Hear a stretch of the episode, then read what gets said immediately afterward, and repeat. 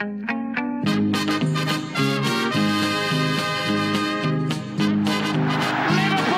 are champions of Europe again. Liverpool are prize winners again. Liverpool is in the record books.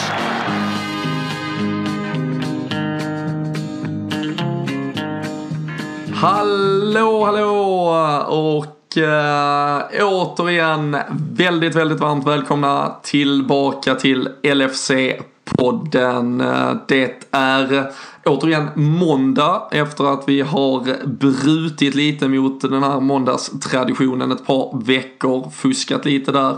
Men nu sitter vi med spända säkerhetsbälten redo för en ny fantastisk eh, vecka kanske vad det lider här. Två härliga matcher för Liverpools del åtminstone och rykten och annat eh, lär det vara hett med. Eh, det är ju nu också bara 12 dagar kvar till Premier League-premiär för Liverpools del borta mot Watford och Ehm, det är väl lite sådär dags att växla upp känner man vad gäller alla fronter egentligen. Och eh, själv hade jag då ehm, nöjet att vara på, på plats i Berlin och se Liverpool i helgen. Och eh, i min frånvaro här i podden så eh, ledde Fredrik Eidefors skutan förra veckan och eh, idag då så eh, har vi eh, slått våra kloka skallar samman och eh,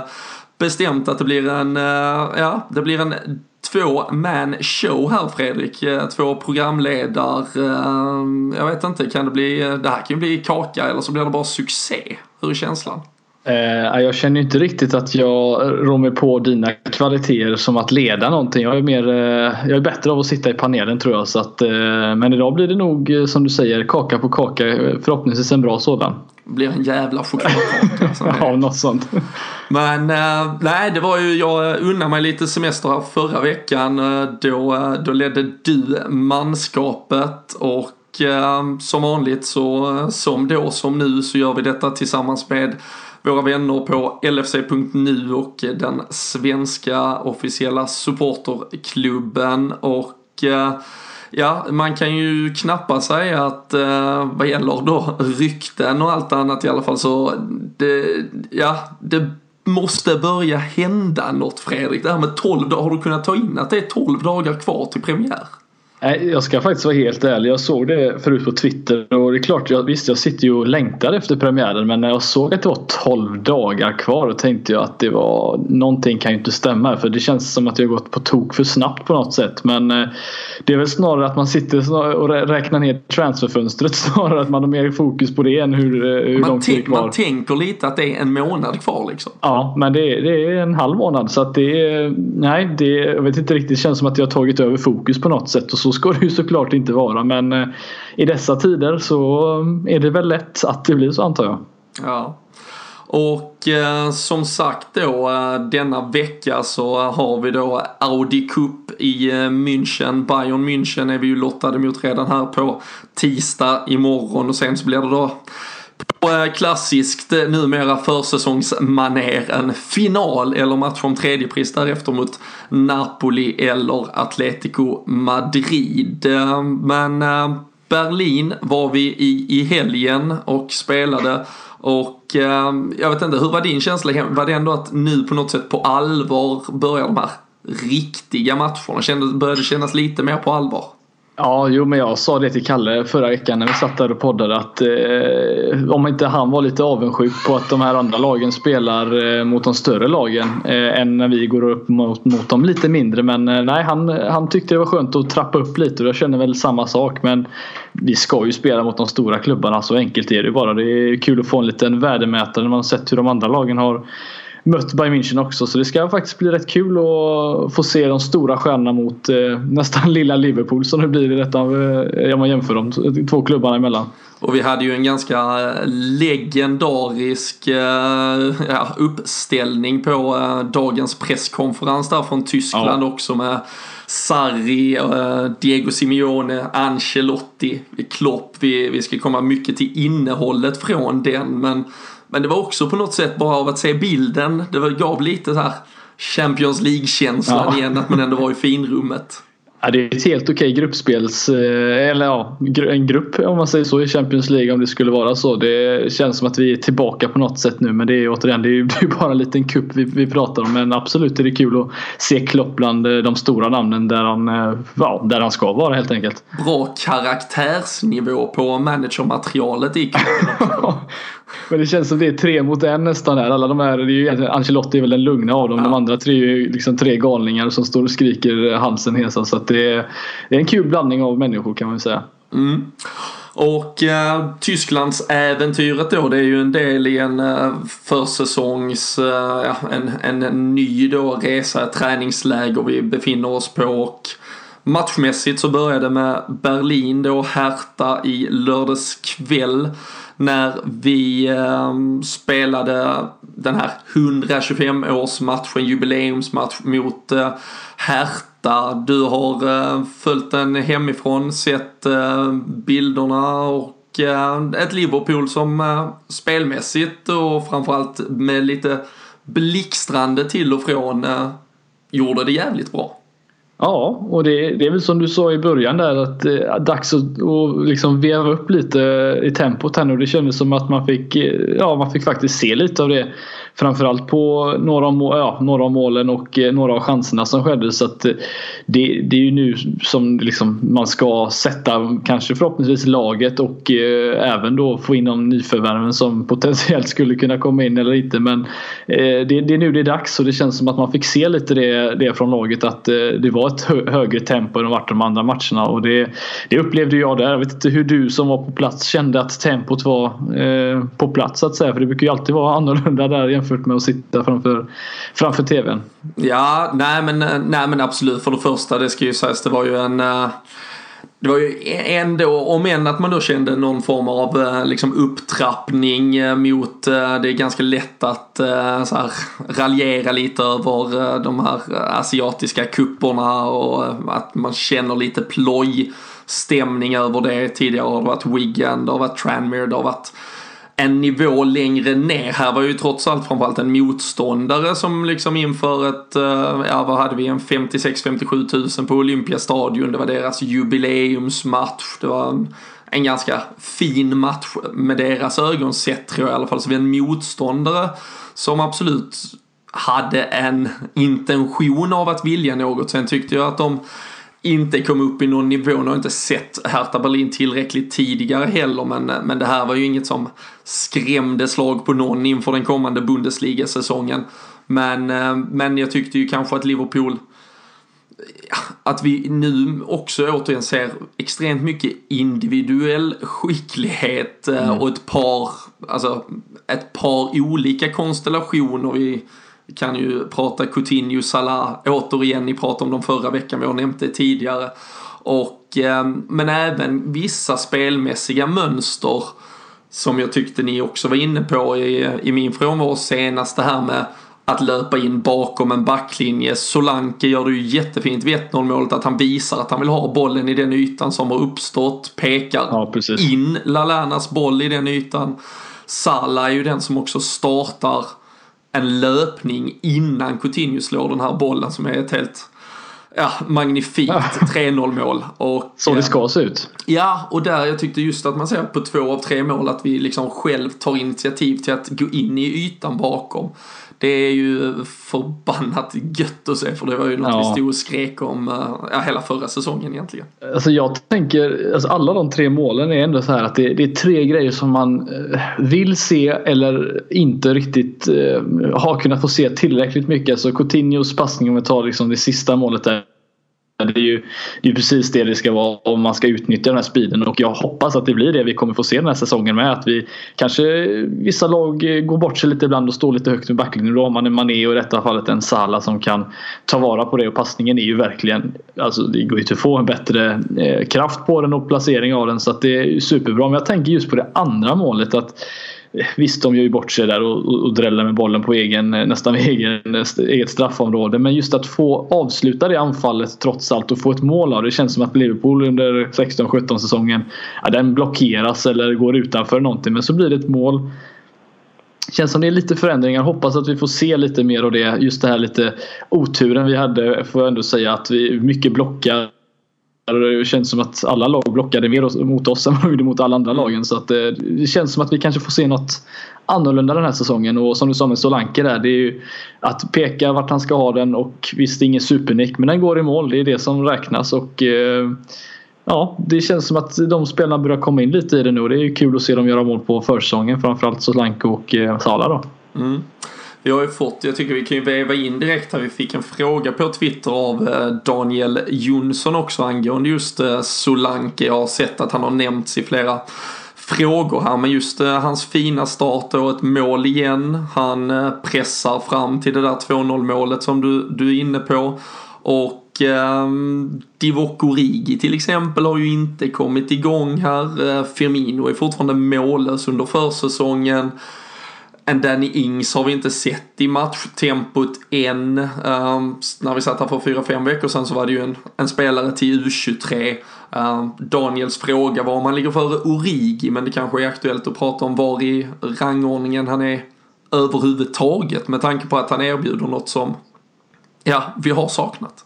Ja, alltså Ings vill, alltså jag har lätt att tycka om Ings för han har, eh, han har inställningen och han, han är en lite finurlig spelare. Eh, jag vill inte jämför honom med Köjt för att eh, Köjt är en ordentlig legend. Men just det här med att man, man vet inte riktigt vart han kan dyka upp på något sätt. Det tyckte han ändå visade de gångerna han fick spela. Det var väl egentligen två säsonger sedan nu.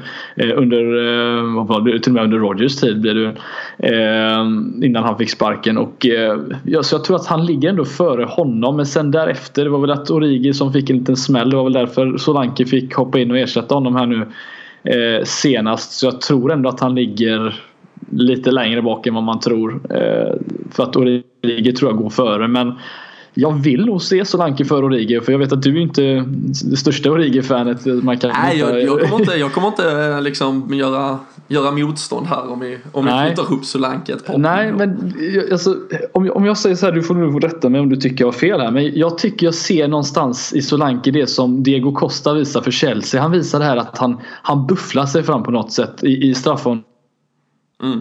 Och det, det, kommer man göra mål på. Alltså, jag är helt säker på att han kommer, för han startar några matcher eller hoppa in så kommer han eh, när det står ja. kanske 2-2 och vi behöver pressa på ett mål att han kommer göra det här 3-2 målet. Jag är helt säker på det. Och vi var inne på det. Jag, jag har stora tankar om Ja, ja men verkligen. Men jag tycker det är, det är kul att du, att du nämner liknelsen. Vi satt och diskuterade det just på på läktaren att, alltså det smått eh, så bisarra att vi plockar honom från just Chelsea som har ja. byggt sitt anfallsspel kring en Diego Costa som nu ska ersätta med ändå en vi ska inte kalla Morata en target men det är ändå den här mer distinkta typen. Mm. Och Solanke är ju liksom en light-version av, av båda två på något sätt. Han hade ju gjort sig ja. extremt bra i Chelseas rangordning. Han är ju klart mer en Chelsea-striker än en Liverpool striker så sett. Men för vår del ett fantastiskt komplement till den uppsättning vi har. Sen kommer han ju inte vara ordinarie i form av liksom vårt ursprungsspel tror jag. Men, men just det här att han har några kvaliteter som ingen annan anfallare har tror jag ändå ska kunna göra honom jäkligt intressant för en, en truppplats. Han är dessutom mer direkt än Origi. Origi ska mm. ju väldigt ofta kladda på det Men jag tror Solanke, han, visst han vill visa någonting också nu i och med att han är ny i laget. Men jag tror att han, han är mer distinkt och mer rak i spelet. Och jag, jag kan bara tänka mig hur att klockan kan stå och dra, skägg, drar sig i skägget lite när han ser Origi spela just för att han är sådär, han ska alltid kladda på den och det är lite sådär tonårsspelare fortfarande kvar av honom trots allt. Trots att han varit med rätt länge. Och jag tror att det, Solanke vinner rätt mycket på det att han är mer direkt och eh, kan ja, ta upp plats i boxen och jag tror Klopp med de speeden han har på kanterna då kan eh, utnyttja det ganska bra den här säsongen. Så att eh, jag tror det kan bli bra. Sen tror jag också att många Liverpool-fans som inte har sett honom framförallt men man tänker att ja, han fick ju inte spela något i Chelsea. Vad ska han in hos oss och göra? Men det är ju precis som vi sa första gången eh, avsnittet efter han hade eh, ja, eh, joinat Liverpool att eh, det, han behöver en nystart kanske och det här är rätt klubb för honom att göra det. Så jag, jag tror det kan bli rätt bra faktiskt. Vi fyller på med ännu ett Chelsea reject efter Sala och, och så vidare. Men um, en annan uh, fråga vi fick uh, lite till följd av matchen var ju också Joe Gomez som spelade högerback här då, dock i frånvaron av både en Nathaniel Klein men också en Alexander Arnold. Jag vet ju du har varit inne på ett par veckor här att Arnold kanske kan få riktigt ta det där klivet, åtminstone att du känner att han är värd det. Vi har också mm. varit ganska eniga i att Klein kanske inte är den mest spännande moderna högerbacken. Men eh, lite sådär så var Klopp först förra veckan ute och pratade om att Alexander Arnold måste förbättra sitt försvarsspel innan han är redo. Nu var det lite småskador som gjorde att Gomes startade. Nu i sin tur har Joe Gomez dragit på sig en skada. Men mm. det här symbolvärdet är att han ändå spelade Joe Gomez i 90 minuter med risken att Nathaniel Klein är borta i premiären. Är Klopp lite osäker på Alexander Arnold som en startspelare i Premier League? Efter att känslan här har ju varit att shit, det här hade kunnat bli hans säsong direkt nästan. Eh, ja, alltså det jag tycker dock är konstigt och det är ju visst han kanske inte har så mycket att, att, välja mellan men det är ju att om man tycker att Alexander Arnold borde utveckla sitt försvarsspel så borde han ju ta sig en titt på vad som står bredvid honom och resten av de här andra tre för att det är ju inga det kommer vi kanske komma in om och prata. Vi kommer prata om detta under, under säsongen när den väl har börjat. Det är ju inget superförsvar vi står, står med tyvärr. Eh, det är ju där framme det, det händer lite grejer. Men jag tror definitivt att, eh, att han är lite osäker på vad han, vad han kommer få. Eh, I och med att det är som sagt, han har inte gjort en hel säsong. Han har gjort några matcher. Men Klein tror jag han litar mer på för att han är ju som vi sagt en, en, en, eh, en, en mellanmjölk. Han är något, man vet inte riktigt, inget speciellt sådär utan det är bara, det bara är något. Och jag tror han är lite osäker på faktiskt vad han eh, kommer få stå med den här säsongen. Annars är det ju två bra uppsättningar annars. Godkända ska vi säga. Med eh, Klein och Alexander Arnold och så då Robertson och Milner. Så jag tror inte han har så mycket att klaga på där ute. Men det är nog snarare vem ska starta som är den stora frågan som du säger. Mm. Vad tror du förresten? Vad, vad, vad ser du på Alexander Arnold? Eh, jag, jag vet vad jag tycker. Ja, jag, nej, men jag känner lika. Alltså jag, framförallt eh, så tycker jag om man nu kan gå ut och eh, ranta lite över att Alexander Arnold inte är en fantastisk försvarsspelare redan så borde man kanske ifrågasätta sig hur Nathaniel Klein har misslyckats med att spela anfallsspel i sju år som fotbollsspelare här på professionell nivå liksom. Men nej, jag, jag tycker ju att jag förstår hans osäker och det tror jag också bygger mycket på de övriga där bak. Uh, han, han vet väl att det där inte är en helt fantastisk backlinje än så länge. Man kan ju verkligen ifrågasätta varför inte pengarna än så länge har spenderats. Uh, huruvida van Dijk kommer bli klar eller inte. Huruvida vi rent av borde ha gått ut och köpt en högerback också. Uh, men pengarna och FSGs filosofi och massa annat. Det, det är större ämnen än så här. Men jag tror lite som du är inne på att han är lite för rädd för att eh, framförallt riskera att blotta någonting mm. ganska snabbt eh, och vill play it safe på något sätt. Men som det ser ut nu med Joe Gomez som drog på sig en skada som åtminstone gör att han inte spelar övriga två matcher här i Tyskland så um, är det ganska snart premiär därefter liksom. Mm. Vi kommer ha en vecka kvar och då uh, då lär det ju av allt att döma bli en Alexander Arnold. Uh, såvida Jörgen Klopp inte spelar ut uh, världens största play it safe och förbannat tråkigt kort och sätter James Milner som högerback helt plötsligt och Andy Robertson som vänsterback. Den är nog rätt trolig tror jag faktiskt. Det, det, skulle jag inte lyfta ögonbrynen på om det skulle hända. För att det, jag tror att han, han vet ju återigen den här, att få en bra start på säsongen och eh, göra det säkert. Det, det känns som att Klopp, litar han på spelaren så kommer han sätta honom där, det, det tror jag. Men, eh, Men frågan tänk, är tänk hur... så bisarrt det skulle vara om han gör det och ja. Milner gör två rätt schyssta matcher inledningsvis. och så får han 38 nya friska ja. som högerback helt plötsligt. Ja, nej, det är, det är Klopp i ett nötskal känns det som att det skulle bli. Att han, han kan transformera om och spelare lite, lite hur som helst. Han fick ju en en Gråskreutz så blir liksom superhögerback i sitt system så mm. varför inte? Det eh, skulle heller inte förvåna mig men det jag sitter och tänker på lite det är just hur de andra lagen, alltså man tar City och Arsenal lagt pengar på, eller Arsenal fick ju sin nästan gratis om det inte var gratis till och med. Eh, mycket pengar på ytterbackar för det är ytterbackarna är mer och mer involverade nu för tiden och jag tycker det är rätt konstigt att Liverpool har haft så urusla ytterbackar de senaste tio åren att det jag vet inte, det känns som att det antingen finns inte scoutingen där eller så finns det inget intresse av att ens förstärka det för att vi har gått miste om en hel del bra ytterbackar som potentiellt skulle kunna ha spelat här under några år. Um, Som ja. när Dani Alves inte fick, eh, vi fick inte lägga ett par miljoner extra under. Ja var det typ 8 miljoner euro eller något sånt där? Ja, var, 10 miljoner euro. Det var ungefär vad en, eh, ja, jag vet inte, någon avdankad League 2-spelare går för i dagens ja, fotbollslag. Precis. Men eh, ska vi, några ord om, upplevde du något fenomenalt från Andy Robertson som också fick göra debut på tal om mm. då ytterbackar? Eh, jätterå. Jag tycker att, att han visst han har spelat var det 33 matcher för halv förra säsongen vilket är väldigt mycket Premier League matcher under en säsong för någon.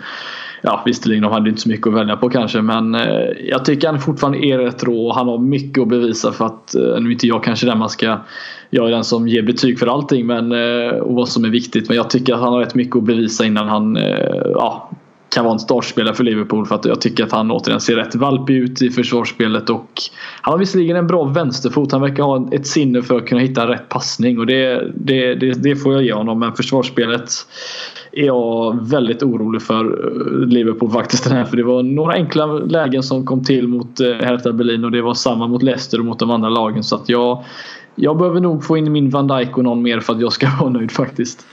Och eh, på tal om van Dijk så får vi se nu, eh, nu är ju Southampton återigen samlade eh, och eh, det uppges väl att det är här under veckan som eh, det ska föras eh, de sista nu slutgiltiga diskussionerna med, mellan klubb och van Dijk om om det finns någon framtid för dem. Och sen får vi väl se om Southampton i ett eventuellt sånt besked tar och släpper sin stolthet och kan kan tänka sig eh, göra affärer med Liverpool igen. Eh, kan ju nämnas lite ett ryktesväg, alltså eh, linas ju Pontus Jansson upp också som en ersättare till honom. Så det är kanske annars ett, ett namn vi ska gå för direkt, för det kommer väl betyda att han är Liverpool-spelare om två år.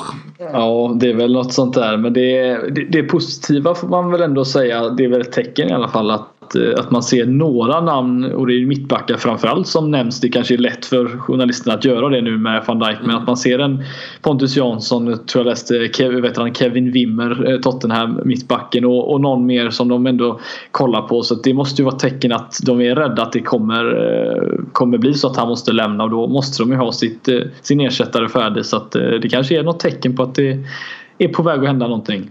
Mm.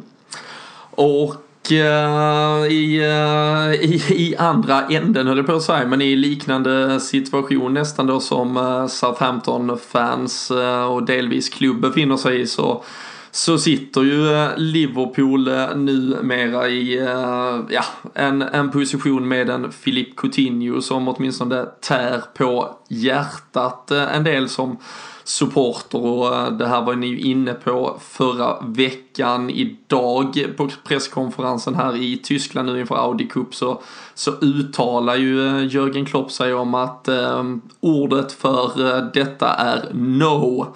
Han är inte till försäljning och det, that's it liksom.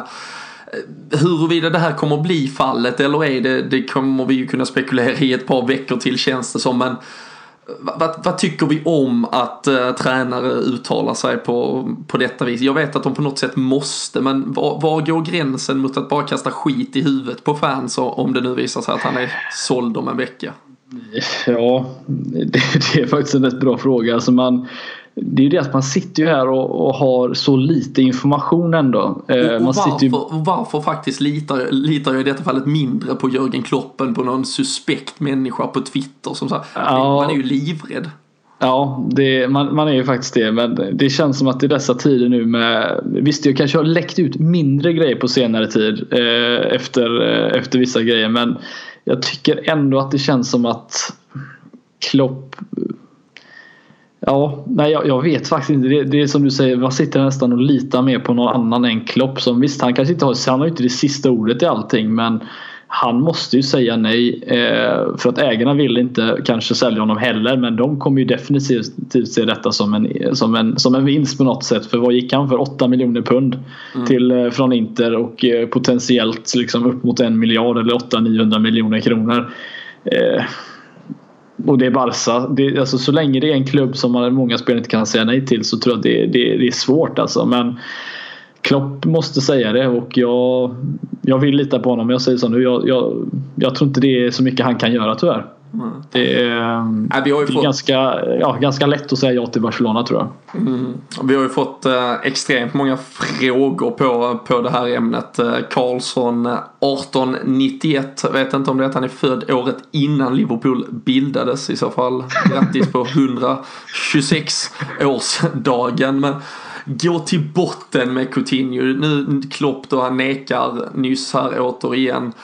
Um, jag eh, satt och uh, ja, läste i, i morse för jag var tvungen att slå upp den eh, igen. Jag kommer ihåg den här intervjun. Det var ett så här klassiskt hemma hos-reportage hos Coutinho efter att han skrev på sitt femårskontrakt i vintras. Um, exakt sex månader sedan då, då satt han och, och sa alltså med med liksom dottern i knät, frun vid sin sida att ja, men nu har jag skrivit på för fem år för det ger, ger oss tiden att bygga ett lag för att vinna ligan. Jag har inte något intresse av att gå någon annanstans. Alltså om Coutinho lämnar för Barcelona nu då, då kan man ju ge upp på något sätt liksom lojalitet som något ord i fotbollens ordlista. Ja. Uh, inte att han egentligen på något sätt är liksom infödd i ett system där han ska stanna för evigt. Men det blir ju så jäkla tröttsamt att höra de här intervjuerna. Alltså de, de kan vi i alla fall lägga åt sidan. Ja, alltså, jag har ju slutat bry mig om de här grejerna sen eh, Torres, liksom, den, den sagan. För vad satt han typ en, eh, en vecka innan eller något sånt där. Bara, Nej, jag tänker inte lämna. Jag, jag trivs bra här. Allting känns frid och fröjd. Men liksom det och det här med kontrakt är ju bara liksom en skitgrej. Att skriva på fem år längre det betyder ju ingenting. Det är ju att okej okay, vi vill ha det här i fem år men du kommer ju troligtvis inte stanna här i fem år. Det är, du får mer pengar. Vi kanske tjänar mer när vi säljer dig men alltså, jag har slutat tro på fotbollen nästan till att säga. Men och, och som Neymar, och Neymar som får 200 miljoner för att stanna tills imorgon och sen därefter kan han gå till vilket lag ja. han vill. Ja, Nej, men det är liksom det och, och, när allt det styrs som det gör med uh, om man ska blanda in Fifa och Qatar och alla de här grejerna. Alltså det, är ju, det finns ju ingen ärlighet längre och det är, det är tyvärr det som är. Men jag tror ju som om man liksom tar Coutinho i sig så tror jag ändå att han han behöver nog inte lämna. Han känner att han kanske kan stanna ytterligare ett år och han har barn här och liksom, det känns som att det det, ja, det hade ju Suarez visserligen med kommer att tänka på. Men det, han känns inte färdig på något sätt. Det var lite det som är grejen. Att Torres kände färdig. Suarez kändes på något sätt färdig också för han hade inte vunnit ligan året efter oavsett om han hade stannat eller inte. Och Coutinho känns som att han har någonting mer, mer att bevisa innan han lämnar. Så det är väl därför jag inte tror att det kommer bli av. Mm. Eh, tror du man kan lägga något i som så han, han uttalar sig då liksom. Jag, han skrev på för många år för att Visst, det tar ett tag men han trodde på projektet, det här med att bygga ett lag för att vinna ligan. Än så länge i sommar har vi värvat Mohamed Salah, Dominic Solanke, Andy Robertson. Vi tittar på konkurrenter som har spenderat uppemot och, och förbi snart med runt de här två miljarderna som FSG så, så högljutt talade om hela den här våren. Eh, ja, finns där en risk att liksom Coutinho lämnar på samma sätt som en Sterling med flera som liksom gav upp tron på, på de projekt vi alltid påstås oss vara, vara igång med? Ja, eh, sen, tror jag att de andra spelarna som har lämnat i dem under de förhållandena eh, Sterling var väl inte bättre än någon annan men samtidigt när han lämnade så då var det inte mycket eh, sexiga spelare i Liverpool som liksom stack ut på det sättet som han ändå gjorde. Och jag tror att när det, nu finns det ändå lite spelare att välja på i det här laget som sticker ut. Du har ju liksom en Mané, du har en Salah, och Firmino och Coutinho. Det är lite lättare att liksom vara en, en spelare i mängden här och inte ha den här pressen på sig. Och jag tror att det är lite skillnad där på Coutinho som ja, han känns ändå annorlunda jämfört med andra. Jag vill tro det i alla fall. Eh, men eh, Sen är det klart, just det med projekt och sånt. Alltså Jürgen Klopp är ett projekt men lyckas inte han göra någonting så finns det ju inget som säger att han stannar för evigt heller. Så det här med projekt känns som att det blir ett ja, det blir ett svagt ord på något sätt. Det, man vet inte riktigt om man ska lita på någonting längre inom fotbollen. Jag vet inte, det, man, man tror inte på någonting man läser längre. Och det, man får nästan bara ta det som det kommer tyvärr. Mm. Vi har ju fått äh, frågan också här från äh, Stefan Hammarsten. Äh, han refererar till att vi skulle ha det, den största sommaren i modern tid från FSGs del. Vi nämnde inledningsvis att där, där är en månad kvar på fönstret. Samtidigt har de historiskt faktiskt aldrig gjort några av sommarnas största värvningar i augusti utan de har försökt vara klara ganska tidigt. Men eh, är det här återigen eh, slutgiltiga liksom beviset på om de är in it for the money eller för att verkligen konkurrera. Du säger Coutinho kan de ju göra tio gånger vinst på ganska exakt om man släpper. Mm. Kontra att man kan vaska iväg två miljarder kanske och hoppas att man går för ett ligaguld istället. Ja, alltså de här två miljarderna är ju för en Premier League-klubb ganska lättintjänade på något sätt ändå. Så att, att spendera dem och eh, kontra eh, tjäna 800 miljoner, alltså de där två miljarderna kommer de få tillbaka. Det är jag garanterad på. Eh, och det kommer hända. Men det, det känns som att förra säsongen från att det liksom gick plus på ett transferfönster. Det är helt sjukt egentligen hur ett lag som Liverpools ambitioner kan göra det. Eh, men det gjorde vi och de pengarna skulle ju läggas nu och jag, hade jag suttit i styrelsen hade jag lätt kunnat spendera 200 miljarder, äh, miljoner eh, pund på spelare som hade förstärkt det laget och jag tror många andra hade kunnat göra det med. Så jag, jag börjar mer och mer tro på att det här inte är ett vinnande koncept för FSG längre utan att det, de, de har inte med det här att göra längre. De, inte, de vill inte vinna på samma sätt som en Abramovic vill göra eller en ja, de andra i de större klubbarna. Till och med Tottenhams eh, ägare verkar ju, även fast de sparar pengar nu, så är de ändå smarta på transferfönstret när de väl går in för det. Så att det, det känns som att vi ligger långt efter, men jag vet inte om du håller med mig där? Nej men jag, jag fick ju en, eller vi fick väl en, jag vet inte om du ska kalla det en uppmaning men från eh, Jag skulle kalla det en uppmaning. Ja, Ibbe som, eh, som skrev till oss på Twitter här, han tycker att jag kanske rantar lite mer på, eh, på just Twitter och äh, jag, jag utgår från att det har mycket med FSG och lite klubbskötsel att göra där jag kanske är lite mer besparad i min kritik när vi sitter här och, och poddar. Jag vet inte om det är någon form av ansvarstagande för att, eh, för att eh, liksom vakta tungan. Men, eh, men alltså jag, jag kan bara, skulle Filip Coutinho lämna Liverpool denna sommaren oavsett, och det, för det enda som troligtvis kan vara på väg in är ju en Naby Keita, det är en Virgil van Dijk. Plan B-alternativen möjligtvis finns, det kommer också till slut ändå handla om en tidsnöd och vilka som är kvar på marknaden ens när vi väl väljer att gå vidare med tanke på att vi har varit så nerkörda i ett enkelspårigt, eh, liksom en enkelspårig väg så här långt. Men, men skulle Filip Coutinho lämna så, så skulle det dels ge mig en, en så fruktansvärd avsmak för liksom ja, den här lojaliteten till en klubb. Men på något sätt så skulle jag också ändå förstå Filip Coutinho om det visar sig att han lämnar innan, innan det har hänt något mer den här sommaren. Och det är där det liksom blir så jäkla, alltså där antingen så måste man ställa sig och, och liksom fullständigt egentligen att tycka att den moderna spelaren är, är en jävla idiot eller så måste man ifrågasätta om Liverpool sköts på rätt sätt. Vi kan titta tillbaka på ett Arsenal som för en 5-6 år sedan släppte storstjärna efter storstjärna till ett City, en van Persie till ett United. Och liksom vi är ju inne, och det har ju inte blivit något ligaguld, alltså det är ju en melodi som inte genererar ett ligaguld. Nu försöker de ta ett steg denna sommaren, än så länge har de inte tappat någon och då, då ser det ju faktiskt ut som de bygger en trupp som skulle kunna vara jävligt stark. Men vi fortsätter att liksom fida andra klubbar, se återigen en stjärna lämna, en Torres, en Sterling, en Suarez, nu snart kanske en Coutinho. Och, och, och, FSG har ju, när den affären i så fall är i hamn, gjort ett ekonomiskt helt fruktansvärt bra resultat både för sig själva, också för Liverpool. Det kan vi tacka och vara jätteglada för. Men alltså, som supporter så är det ju inte liksom det är ju inte, det är ju inte liksom att ha en liksom svarta fina siffror i balansböckerna. Jag liksom ställer mig på en arena, lägger flera tusen och skriker för utan det är ju för att jag vill se det här förbannade laget vinna en titel. Och eh, jag tycker att en försäljning av Coutinho skulle vara liksom Ah, det, det, skulle vara en, en stöt i, eh, i mitt hjärta som i alla fall gör att jag inte längre ser någon som helst hållbarhet kring att behålla de ägarna som vi har. För det rinner över lite på något sätt. Det är som att det, det, det, är på väg. Liksom. Det har varit på väg länge men det här skulle liksom vara liksom det, det absolut sista som skulle liksom få en att tappa lite. Att ja, för jag, det, det jag, finns inga ambitioner överhuvudtaget riktigt på det sättet att hänga med de andra klubbarna. Nej, för jag tror också precis som du säger i Coutinhos fall att han har egentligen ingen stress i att lämna denna sommaren. Suarez var 28 när han lämnade mm. Liverpool.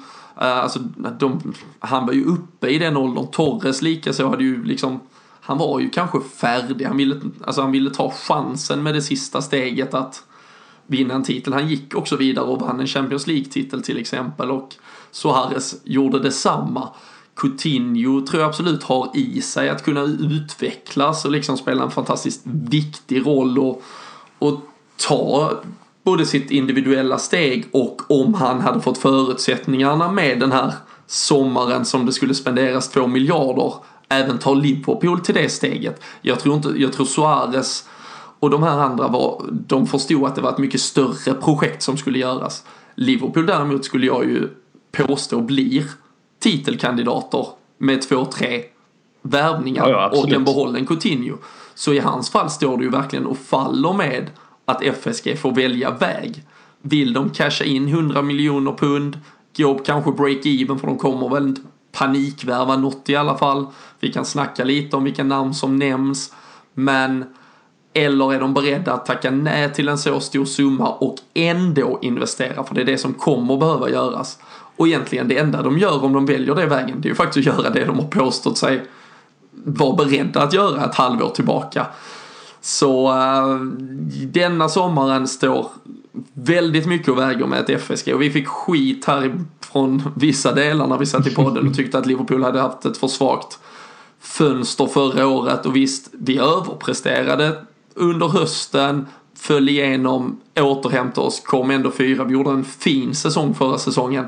Men ingen där ute kan påstå att vi med den här typen av fönster, om ligan skulle börja imorgon och fönstret stänga dagen därpå, är en titelkandidat. Jag, jag kan inte gå med på det riktigt för truppmässigt så är det det är annan nivå på några av konkurrenterna just nu. Det är inget lag där uppe i toppen som har blivit sämre utan det har förstärkts ganska saftigt och eh, nej, jag, eh, känner, du, du får nog ta över här Nej, men jag, jag tänker just på att det, det är som du säger med panikvärvning. Visst, du kanske, vi kanske sitter här i slutet av eh, augusti och, och får in en van Dijk för 72 miljoner pund eller någonting. Men det är ändå så att det, det är liksom, de spelarna ska in nu. Det är liksom mm. att visa ambitioner är ju att okej, okay, det visar proffset, eh, proffsigheten att våran försäsong är planerad. Vi har fått in våra spelare vi behöver eh, vi kan liksom planera liksom en hel säsong med de spelarna. Alltså Klopp kommer ja, sitta där. När, när fönstret stänger har vi redan spelat tre ligamatcher. Ja. Vi, alltså vi kan mycket väl ha liksom, ja harvat, vi har ett liksom hett möte med Arsenal efter tre veckor in på säsongen. Och, mm. Va, ja, var står vi där liksom? Då kanske och, vi knappt har gjort klart med någon eller de har inte ens hunnit träna ja, laget. Och jag ska inte säga att jag, är, att jag är arg på Klopp som om han är, den, om han är sån som vi har liksom, man får uppfattningen att han tänker inte, får inte han en spelare han vill ha så kommer inte han bara liksom panikvilja ha någon annan spelare. Det, det, visst, det är bra att han tror på sitt projekt men det är inte bara startspelare vi behöver. Vi behöver byta ut mycket av det dödköttet som inte presterar eller som inte har en framtid längre. Och de spelarna finns där ute och bredd är precis vad vi behöver nu när vi går in i Champions League och förhoppningsvis enligt Klopp och de andra känner att vi inte är här för att spela en säsong som vi gjorde under Rodgers eller om ens det. Vi är här för att stanna under flera säsonger. Och då räcker det inte med en van Dijk. Visst, försvaret är det största problemet vi har. Men vi behöver fylla på. Lallana blir inte yngre. Att skjuta in en spelare som kommer liksom ta över honom eller ta över honom direkt. Det är liksom måste ha lite framförhållning på det hela och det tänker man att de andra lagen gör. Alltså, visst, City de förstör kanske lite på sitt sätt att de går in och gör men de gör det de ska göra och det, det är bara att acceptera att det är så det fungerar nu. Vi kan inte vara liksom, det är inte 07-08 där man där det var, fanns fyra lag liksom. Utan nu, nu är det på riktigt och ett Everton eh, skulle lika gärna kunna gå upp och liksom blanda sig som de gjorde förra säsongen och har de, eh, får de rätt form och vi knackar så skulle man lika gärna kunna hamna efter ett sånt lag om allting inte går som man vill. Så att jag, är, jag är lite rädd faktiskt hur den här säsongen ska gå trots att vi inte är, liksom, har förlorat en, någon spelare än så länge. Utan bara har byggt på. Men jag är inte alls eh, sådär superpositiv som eh, jag hade velat vara när man sitter där den 31 juli och det är som du säger 12 dagar kvar till en eh, ja, Premier League-start. Mm. Nej, vi, eh, vi, får, vi får hoppas att vi är mer positiva när vi stänger igen fönstret den sista augusti. Men äh, det har ju varit en, det har varit en eh, svår sommar som, eh, som Liverpool-supporter, vilket det allt som oftast blir.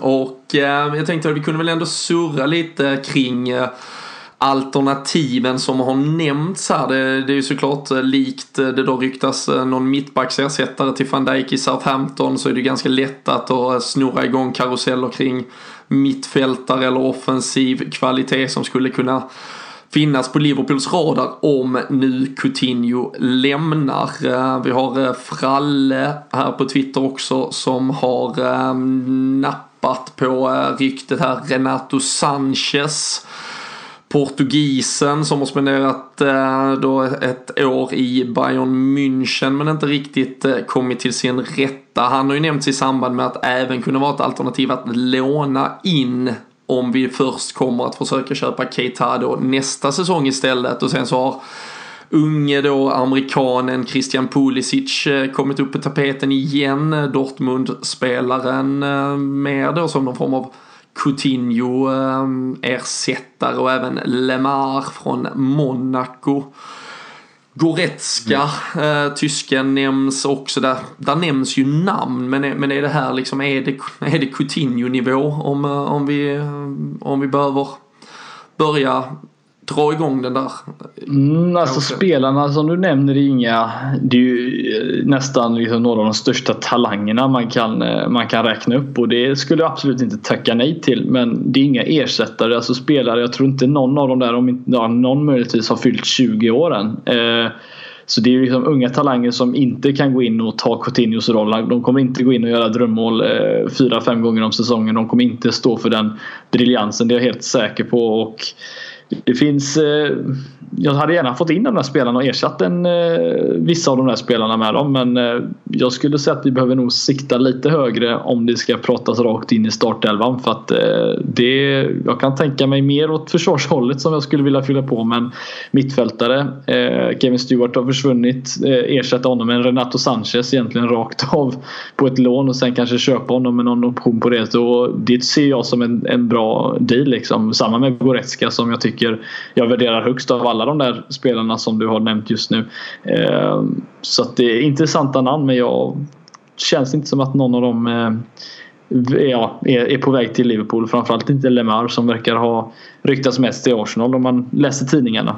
Ja, och jag tror ju även om man på något sätt skulle sikta in sig med tanke på att Arsenal eh, inte har kommit. Eh, han har väl varit någon light-version av vår eh, Keita och van Dijk-soppa där Arsenal mm. ändå har verkat vara väldigt intresserade men liksom inte ens getts, getts någon chans där. Monaco eh, de försvarar väl vad de, vad de kan nu lite med, med näbbar och klor beroende på vad som händer med en Bappé bland annat. Um, mm. Så um, nej, det, och det, det är ju det det kommer tillbaka till lite om, om man nu liksom står och tappar en Coutinho om en vecka liksom inför premiären fem dagar bort. Vi, man får ju inte ihop det ändå. Så, så vad som än händer i de här olika affärerna, dels vad som eventuellt kommer in och om något skulle försvinna, även om vi står här den första september med någon form av trupp som ändå liknar någonting så har det ju strats liksom, den har ju slitits i sönder på många sätt och det ska lappas mm. ihop.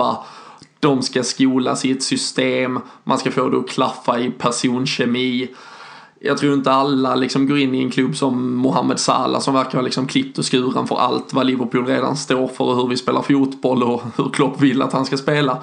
Utan där brukar ju alltid finnas en inkörssträcka och då, ja, då är det väl plötsligt första oktober innan vi har en synkad startelva och, och då vinner du ju inte en en liga i alla fall. Och Nej. Klopp var ju ute och bekräftade på något sätt på, på dagens presskonferens också att ja, men man sätter alltid ett mål för säsongen och vårt mål är att vinna ligan. Och det är ju inte så ofta man i ärlighetens namn hör en Liverpool-tränare säga det utan det brukar vara de eh, halvtradiga vattenljumna artiklarna på hemsidan om att topp fyra är målet. Så, så här lägger ju liksom Klopp också tillbaka bollen på att ja, det är klart som fan att något måste hända för det kan ju inte, alltså kombon av att stå kvar med, med det här och en Coutinho som är på väg bort och ändå har målet på att vinna ligan. Ja. Men tror du, tror du det är lite, lite spel eh, framför ägarna liksom när han går ut och kör lite sådana här eh, kommentarer att han, han vill få det, det där hjulet att rulla lite att eh, det ska hända någonting.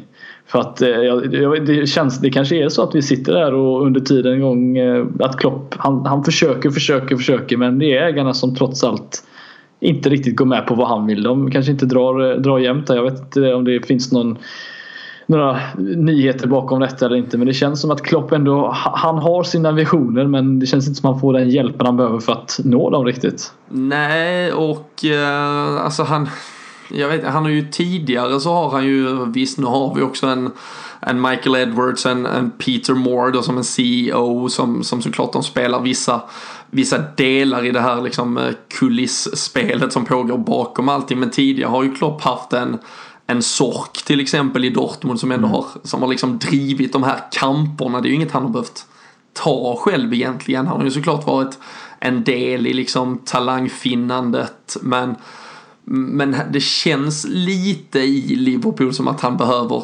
dra det liksom, ja, köra den kampen lite mer. Han verkar ju hålla sig på en väldigt god fot. Åtminstone utåt så ser det ut som de har en liksom, jättefin relation. Liksom John Henry, eh, nu var det ju mm. han tillsammans med Linda Pisuti var på plats i Berlin. Det var liksom, det är ju glada miner till höger och vänster. Inte för att jag förväntar mig att i de sammanhangen att man skulle se något annat än så.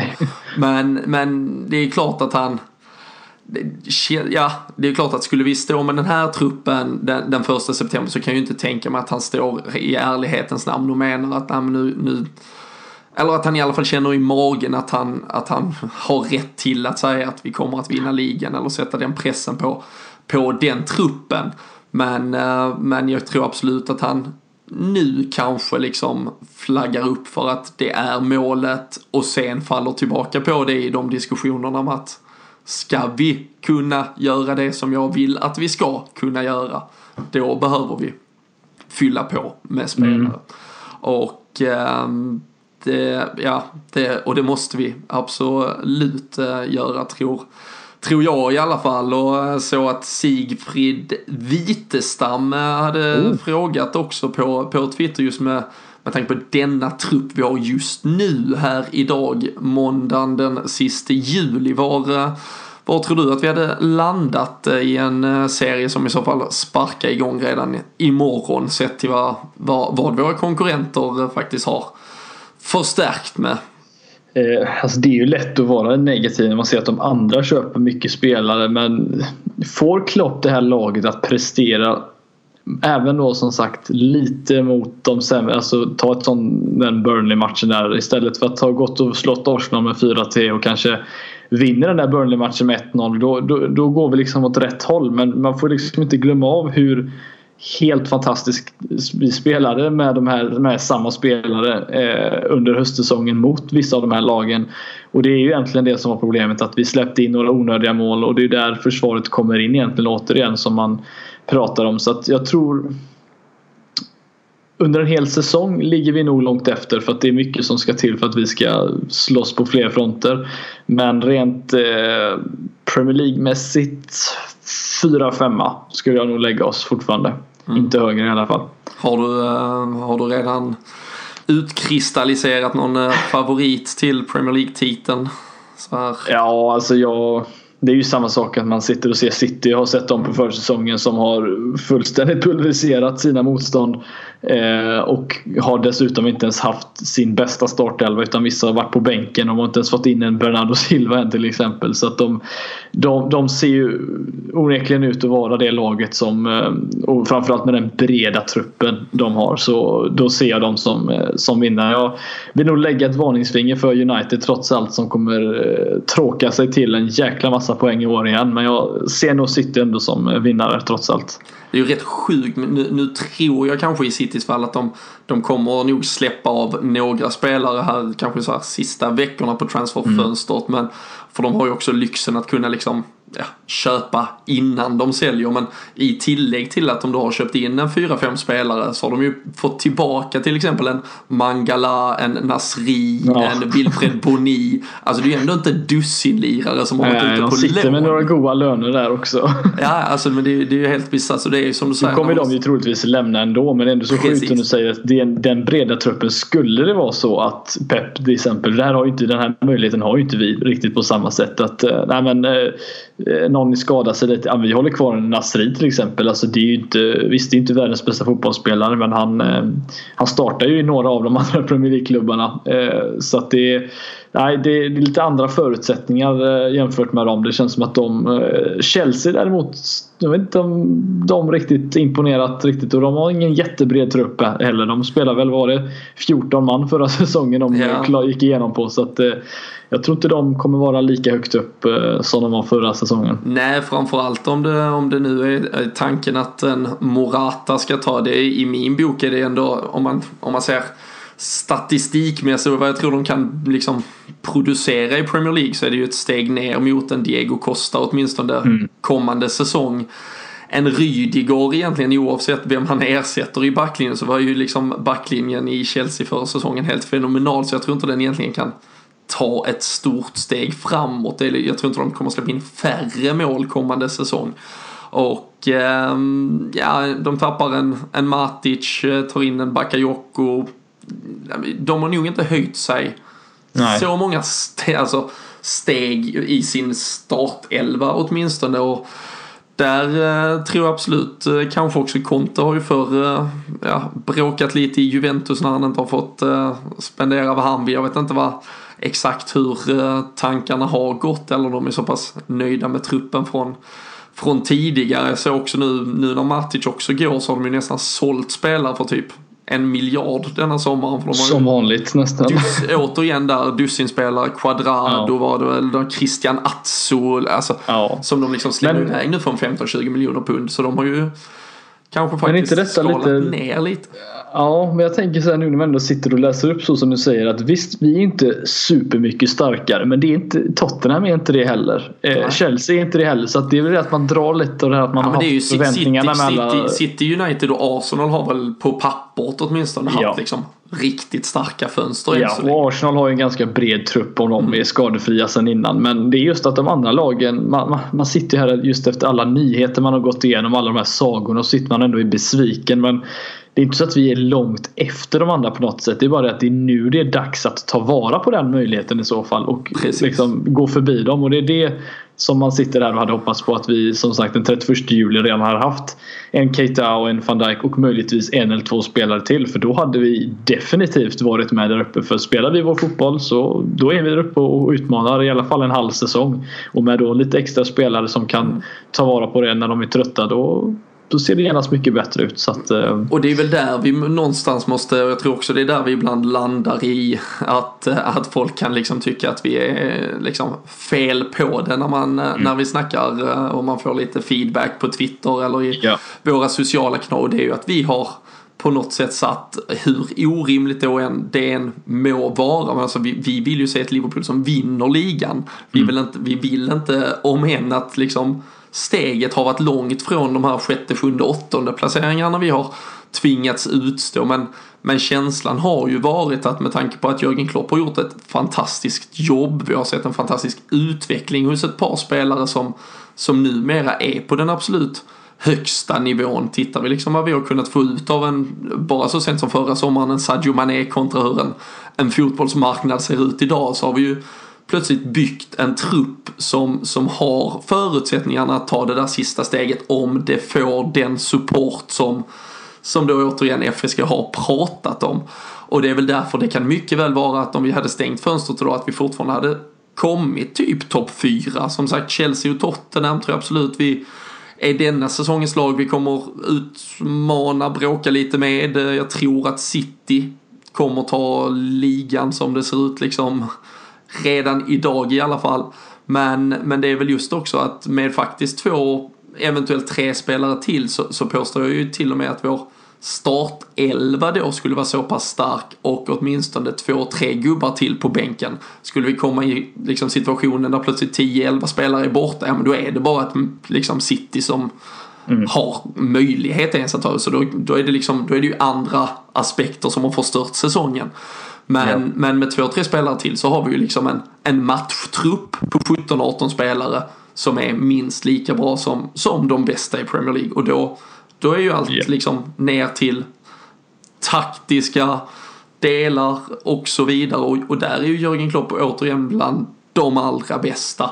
Och eh, då, då är vi ju liksom med på riktigt och det är väl därför man sitter med den här frustrationen när man kände att det var vi som skulle spänna musklerna ganska snabbt den här transfersommaren kontra att vi nu sitter istället och har nog sett då ett Arsenal, City och United som har tagit på sig de tröjorna och att det är vi som harvar här lite och kanske inte kommer stå klara när säsongen sparkar igång. Sen får vi, man kan bara hoppas och, och liksom tro och, och och liksom lägga lite liksom någon form av trygghet i att Jörgen Klopp ändå, ändå maxar ut det mesta av, av det vi har inledningsvis och så ser vi vad det landar i men ja, det, det är väl det där att, eh, att återigen, det här hade kunnat vara sommaren på mm. något sätt. Eh, som man Just att ta vara på chansen liksom. Mm. Det var liksom, man kände det i vintras när vi låg så bra med under hösten. Två, tre värvningar ja. då. Var hade vi varit idag? Ja. Två, tre värvningar vintern 13-14 när vi också var liksom på väg mot att utmana på riktigt. Vi gjorde det ända in i det sista. Man hade nog kunnat, inte kunnat få ut mer just, just då men ändå de här liksom symbolvärdet det ändå ger att vi, vi tar det där steget nu. Vi ger det fan en jävla chans i alla fall. Och äh, äh, än så länge har man inte sett äh, någon sån aktivitet under ett fönster från äh, Fenway Sports Group och det är väl det som lämnar lite sådär bitter, bitter smak eh, här i bägaren. Mm. Men... Ja, det är ju eh, så. Något Uff, svettigt nästan nu här ja, efter det. vi, vi, vi gasade upp på en eh, nivå vi knappt själva kunde hantera. Men, men en bra rant får vi ändå ge dig. Det, en, det var en ganska bra rant av det här som Ibbe var ute efter. Så att, uh, den får vi ge honom. Vi har, vi har plisat en följare åtminstone. men uh, jag, jag tror väl faktiskt också vi behöver in och duscha båda två efter ett sånt här avsnitt.